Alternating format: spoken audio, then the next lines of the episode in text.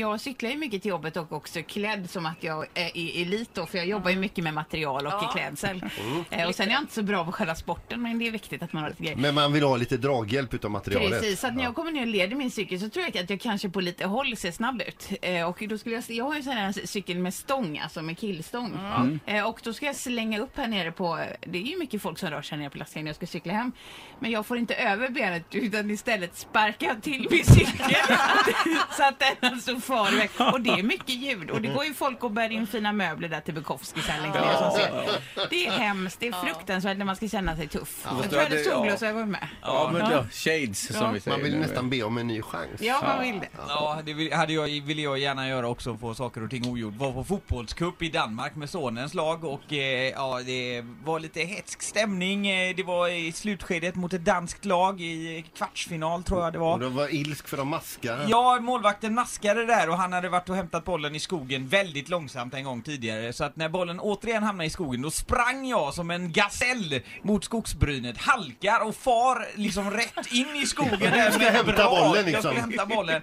Alldeles för klumpigt och liksom bort bland ormbunkar och grejer. Och så kom ut med bollen där och bara Jag är okej! Jag är okej! och slängde bara Kom igen nu spela! Och det kände jag efteråt att eh, nej.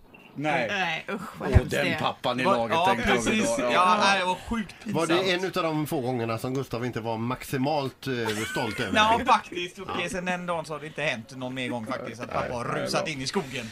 Ja, nej, Pippi, har du något pinsamt? Ja, jag har en snabbis här också. Det var ju, jag hade varit på ett evenemang med radion för något år sedan här och eh, jag hade lite bråttom hem på natten där och eh, körde om en hel del bilar och morgonen därefter så ringer en av lyssnarna och säger Du Pippi, du brukar alltid hänga ut bilar. Vet du vad som hände i natt? Jag blev omkörd av en eh, Mix Megapol-bil och 150 knyck. Undrar om det kan ha varit... Vem, vem kan det ha varit? Ja, det var faktiskt jag. Så att, eh, det var lite pinsamt. Ja, det förstår jag att det var. Det förstår jag.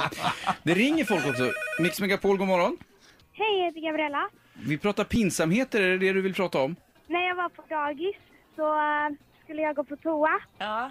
Jag kunde inte låsa dörren för jag var så rädd Ja. att jag skulle låsa, eller att jag skulle låsas fast.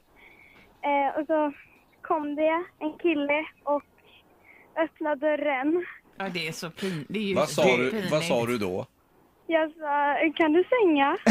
Ja, men det var Men bra alltså, det är sagt. ändå, du gick ändå på dagis. Sånt har ju hänt på vår arbetsplats här också. Med vuxna människor. En gång Gabriella när jag öppnade dörren, då satt han helt naken där inne och bajsade.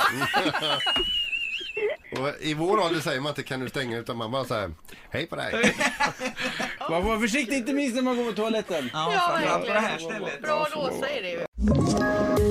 Poddtips från Podplay. I podden Något Kaiko garanterar östgötarna Brutti och jag, Davva, dig en stor dos skratt. Där följer jag pladask för köttätandet igen. Man är lite som en jävla vampyr. Man har fått lite blodsmak och då måste man ha mer. Udda spaningar, fängslande anekdoter och en och annan arg rant. Jag måste ha mitt kaffe på morgonen för annars är jag ingen trevlig människa. Då är du ingen trevlig människa, punkt. Något Kaiko, hör du på Podplay. Därför är gardinerna.